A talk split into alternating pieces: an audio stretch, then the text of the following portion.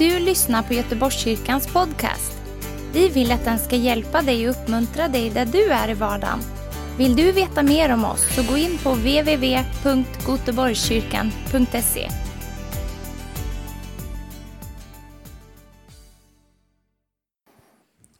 Jag har ju en viss rutin på det här som ni märker.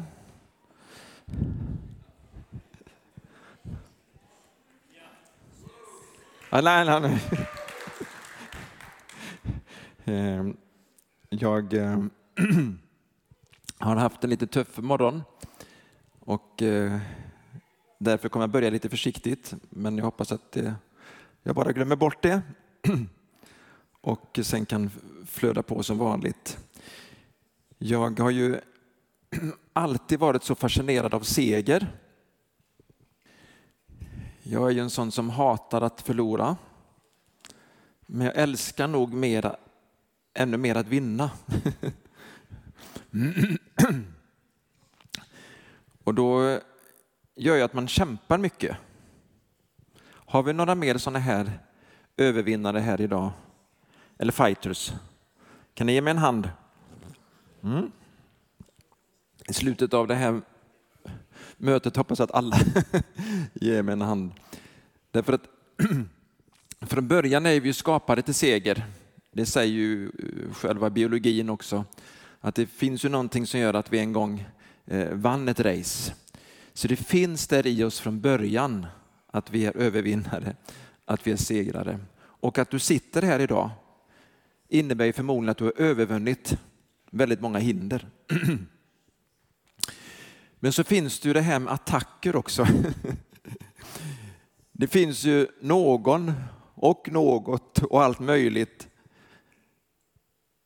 som vill få oss att ge upp, att bli modlösa. Att gå tillbaka, att lägga av. Är det någon som har märkt det då? Ja, det känner vi igen. Men när vi väl är där så fattar vi inte alltid att det här är inte från Gud. Och det var det som självaste Timoteus hade så svårt för att fatta när han blev modlös. Han förstod liksom inte att den här modlösheten, den var inte från Gud. Eller det här hindret, det var inte från Gud. Och jag skulle vilja motivera dig på samma sätt som jag själv har blivit motiverad av de här sanningarna. För när jag skrev det här så formulerade jag det så här att vi ska nå den framgång, favör och framtid som Herren har tänkt för oss. Det låter väl bra va? Än så länge är vi rätt nöjda. Om det var så att mamma eller pappa eller någon annan eller någon annan fixade det för oss. Men vi ska nå den framgång, favör och framtid som Herren har tänkt för oss. Med andra ord, det sker inte per automatik. Inte ens om någon har profeterat det över dig så sker det inte per automatik. Därför Gud samarbetar med oss. Vi är med i planen. Och den vanligaste illustrationen som inte kommer att gå igenom idag men som är en bra påminnelse är hur Josef övervann alla hindren. Från mobbing, hat, vara i brunnen, vara i fängelse, orättvist anklagad. Från att komma in i maktens korridorer och fullborda den kallelsen som Gud hade gett honom att rädda hela den då kända världen från hungersnöd och svält. Men Josef behöver göra sin del. Du och jag, vi behöver göra vår del. Men vi ska veta att vad ont än Satan planerar emot oss så tänker Gud det oss till godo. Det är väl bra va? ja. Så vi behöver inte oroa oss. För ju större, ju mer han attackerar, förmodligen har Gud något större. Men som inte bara handlar om oss.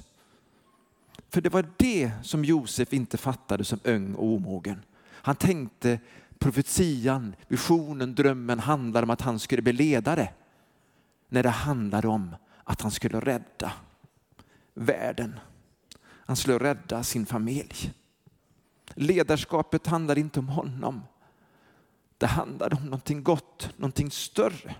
Vill du komma in i det så behöver Gud ta tag i den här omognaden som finns i oss på samma sätt som Gud fick ta tag i Petrus som började så bra, som var så stark, som var så framstående bland alla lärjungarna, som fick uppenbarelsen om att Jesus är Guds son. Men som hade högmod i sitt hjärta. Och den här stoltheten, att han till och med säger det om alla andra förnekar dig, inte jag. Den där stoltheten behövde Gud ta tag i. Och det är samma med oss. Minsta lilla öns av högmod, stolthet, arrogans vill Gud ta bort. Precis som när man skiljer agnarna från vetet, det där hårda skalet över vetet, det ska bort, det ska brytas ner, det goda ska komma fram så hade Satan begärt att få sålla Petrus som vete därför att han hade det här i sitt hjärta. Vi kanske har en annan svaghet. Har vi någon med svaghet här? Ofta så börjar befrielsen med att man bekänner och förstår att man har en svaghet. När jag var barn talade man ofta om akilleshäl därför att jag är inte så uppfostrat så fromt så det var liksom andra eh, berättelser som präglade mitt liv. Men i alla fall den här hälen, den var inte doppad i det som skulle göra Akilles oförstörbar. Så fienden träffade Akilles i hälen. Vi har en svaghet. Gud känner till den. Men jag tror också att vi behöver känna till den. Och tyvärr, tyvärr, tyvärr känner fienden, Satan, till våra svagheter. Visst är det olustigt? Hur ska vi då kunna täcka? Eller ska vi bara gå med på och ge efter? Jag har den här svagheten i mitt liv. Jag är stolt, jag vet. Jag pratar illa om andra, jag vet. Jag har svårt att förlåta. Jag är bitter, jag vet. Eller jag har de här begären, jag vet.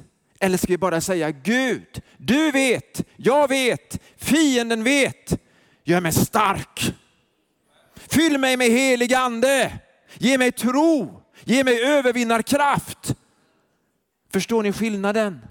Det är en jättestor skillnad på att bekänna och bara acceptera eller på att bekänna och säga jag vill gå vidare. Jag vill leva i seger. Har jag någon med mig här som vill övervinna de här attackerna? Tyvärr är det så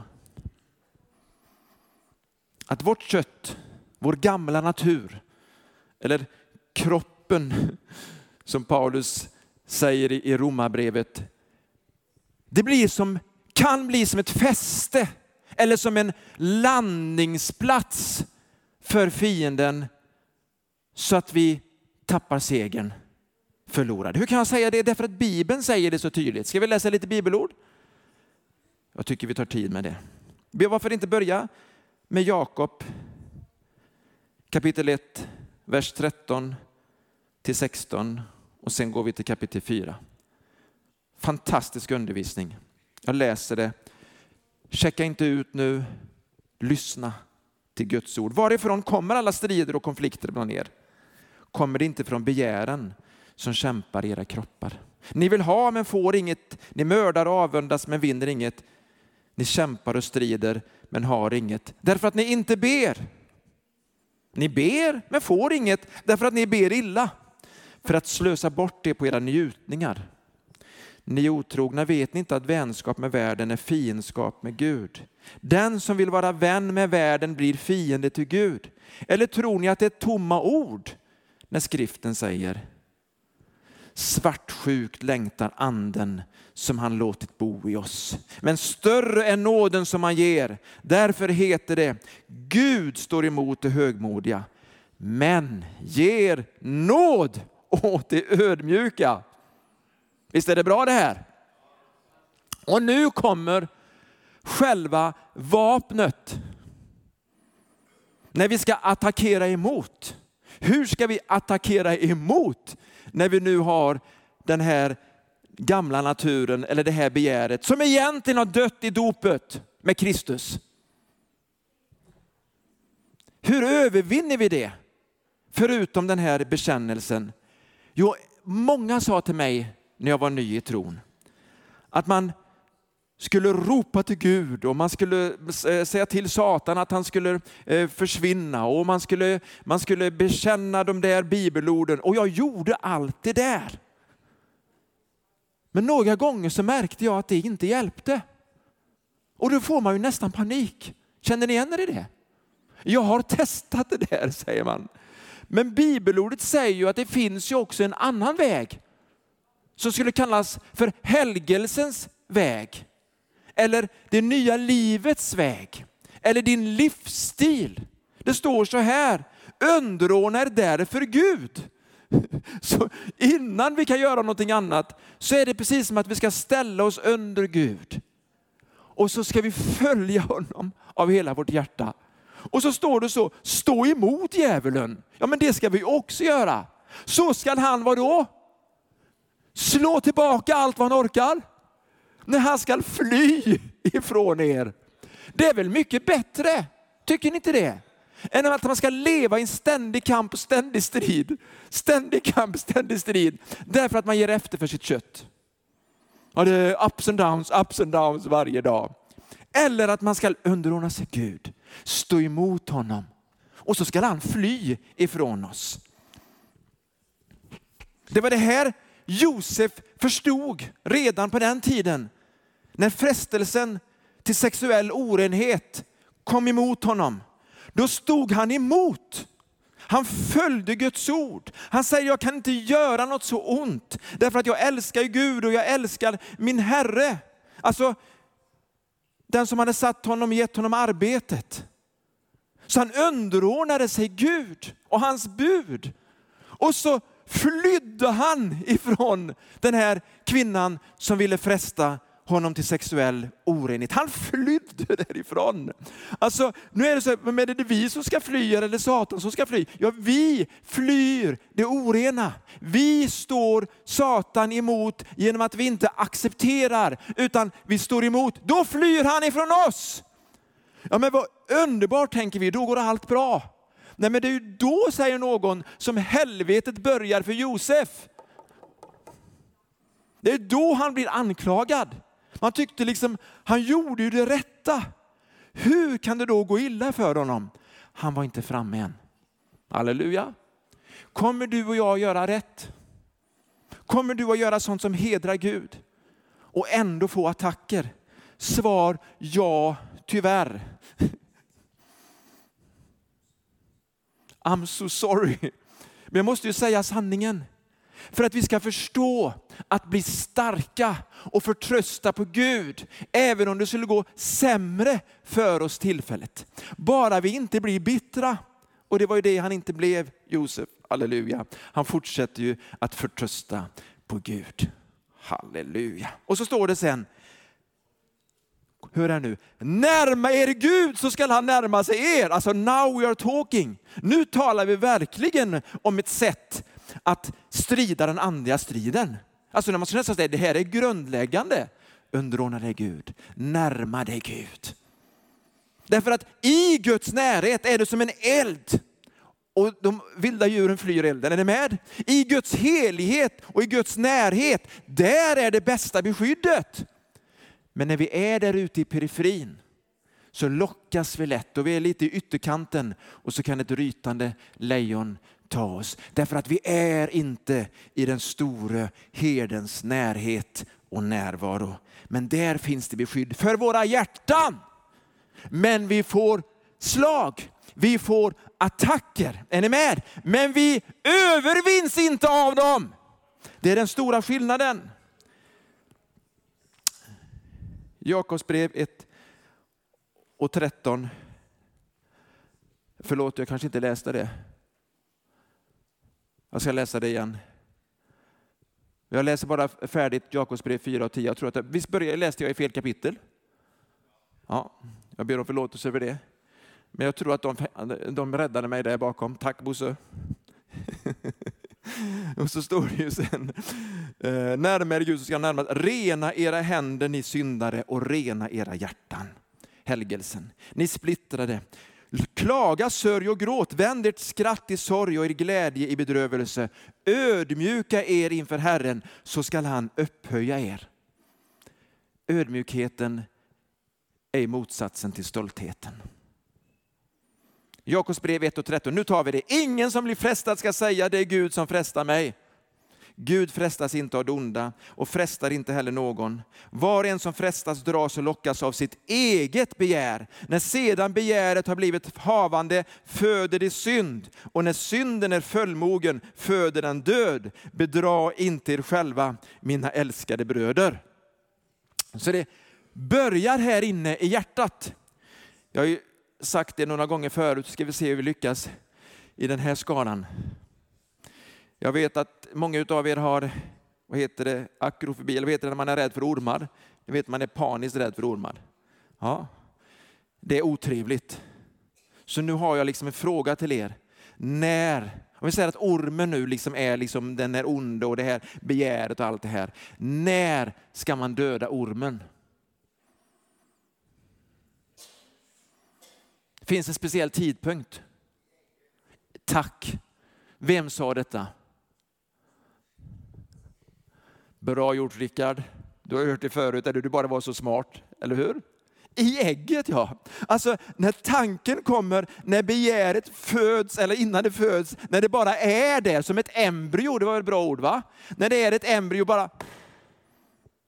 Hängde ni med? Ska vi göra det? Du har någonting sånt, det kan vara ett embryo, det är något begär, det är någonting som inte är bra. Du ska liksom inte liksom låta det gro i ägget. Halleluja. När ska man döda bananflugorna? I... Ja, lägger de ägg eller? Jag vet inte om ni har haft lika många bananflugor som vi har haft. Tänk om jag bara visste var äggen fanns. Hade man kunnat bli av med de här. Men ni förstår ju, det finns så mycket bananflugor. Det finns så mycket saker som irriterar som vi ska ta i början. Inte låta det gro, inte låta det bli havande och absolut inte låta det födas fram. För då dör vi till slut i våran synd. Så när vi nu attackeras och blir dödligt sårade så tänker vi att det är för att vår fiende är vred. Har ni hört talas om det att om man gör det här, man vinner seger och det var ett sånt härligt möte, nu kommer det snart en attack. Eller nu har du liksom varit med om det här underbara och nu har du upplevt Gud, nu kommer snart en attack. Är det någon som känner igen det här? Det finns några karismatiker där, visst. det är så vi undervisar och det är rätt. Men det gör så att vi blir lite rädda för att vinna seger. Vi blir rädda liksom för att vara frimodiga. Tänk om Maria och Boris hade tänkt så innan de tog hit skolan och, och det här. Och liksom, tänk om det kommer en attack. Det är klart att det kommer attacker. Hallå! Det kommer attacker. Men vi ska ju övervinna dem. Men om vi är rädda och inte gör någonting för att det kommer en attack, då har han ju redan vunnit seger innan han har gjort någonting. Det är som att fienden bara ställer ut skorna och så går vi hem. Det var ju så Israels barn hade det när Goliat kom fram. Men så kom lille David och han bara attackerar och vinner seger. Märker ni vilken skillnad det är? En vinner seger och allt Guds folk får framgång. Halleluja! Så jag säger ja, tyvärr, du kommer attacker efteråt. Men framför allt, hör här nu, för jag tror att det här är uppenbarelsen för idag. Framför allt kommer attackerna för att vi inte ska få den framtiden, den favören, den framgången som Gud har tänkt med oss. Hängde ni med nu? Framför allt är fienden är proaktivt. Innan vi ens får den där segern, så att vi inte ens kommer dit. Alltså snubbeltråden är inte när man har gått i mål. Den är innan man har gått i mål. Och det är kanske så att man inte ens kommer till start. Där är fienden. Men nu är vi olika, en del har inte kommit till start, en del springer, en del har kommit i mål med någonting. Fienden attackerar, men vi är övervinnare. I vem då? I Kristus Jesus som ger oss en överväldigande härlig seger. Halleluja! I Matteus 18.7 så står det om förförelser, grekiska skandalon. Man tänkte ju skandal, men det kommer faktiskt därifrån. Det är skandal, därför att ve den som förförelserna kommer igenom. Alltså den som Satan får använda för att få någon på fall. Specifikt i det sammanhanget barnen. Men vi övervinner den här snubbeltråden, eller hur? Nu vågar jag inte ens hoppa över där ifall jag inte så är klar. Vi tänker att det är en snubbeltråd här. Och så, ni vet, vi övervinner men vi måste ju se dem då, eller hur? Annars så faller vi. Jag cyklar, jag är så glad, jag har elcykel och det är så underbart. Halleluja. Och så ringer det i telefonen, underbart, man kan ju prata i telefon när man cyklar. Så, och så i skogen. Och när jag ligger där i skogen, cykeln kommer bakom mig, det, det är länge sedan, var inte orolig, det här har inte hänt igår.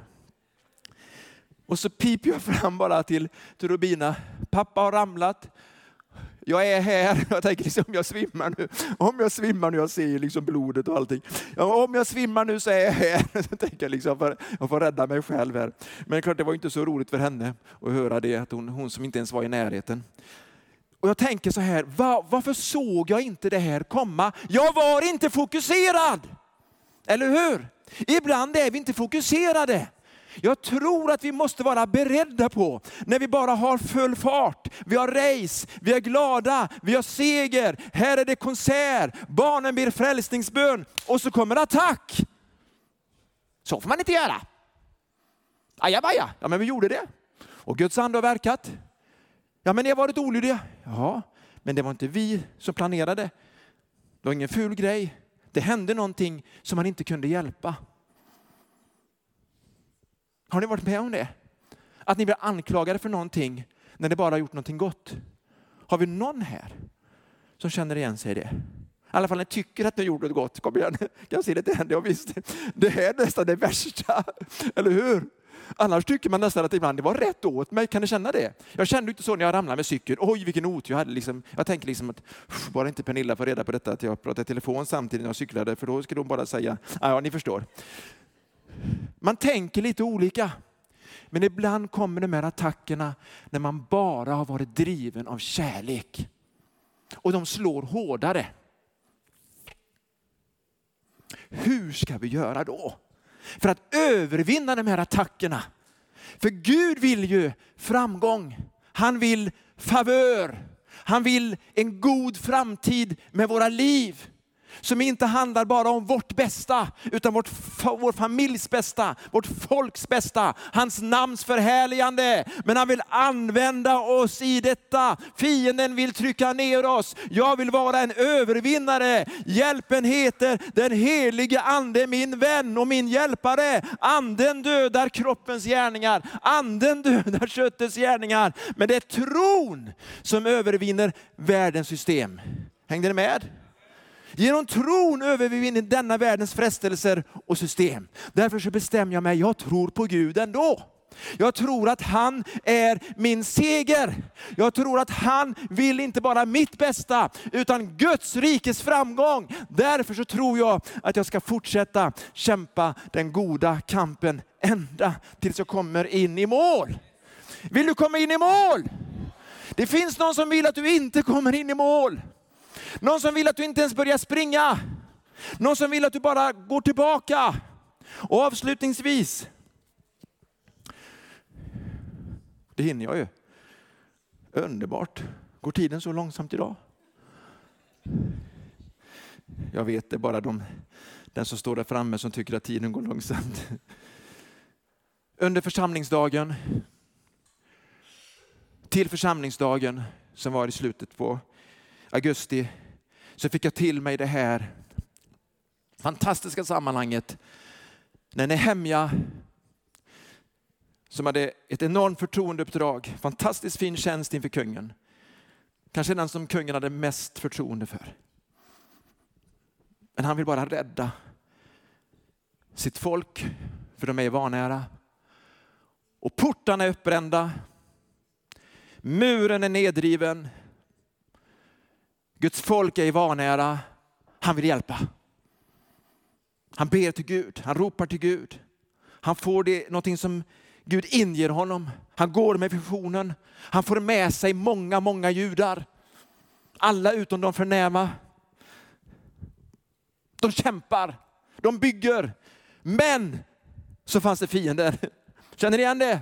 Det fanns fiender som hatade det här när Guds folk kom på fötter igen och började resa upp de här portarna och resa upp de här murarna. Alltså det finns en andlig makt som hatar det här när vi reser på oss och börjar göra en skillnad. När vi börjar be, när vi startar husgrupper, när vi gör gudstjänster fyllda av helig ande, när vi tränar lärjungar, när vi samlar skolor här, när vi är där ute och gör en skillnad på missionsfältet. Det finns fiender, andemakter som står oss emot. Vad är det naturliga att man gör då när man får en attack? Man stannar till.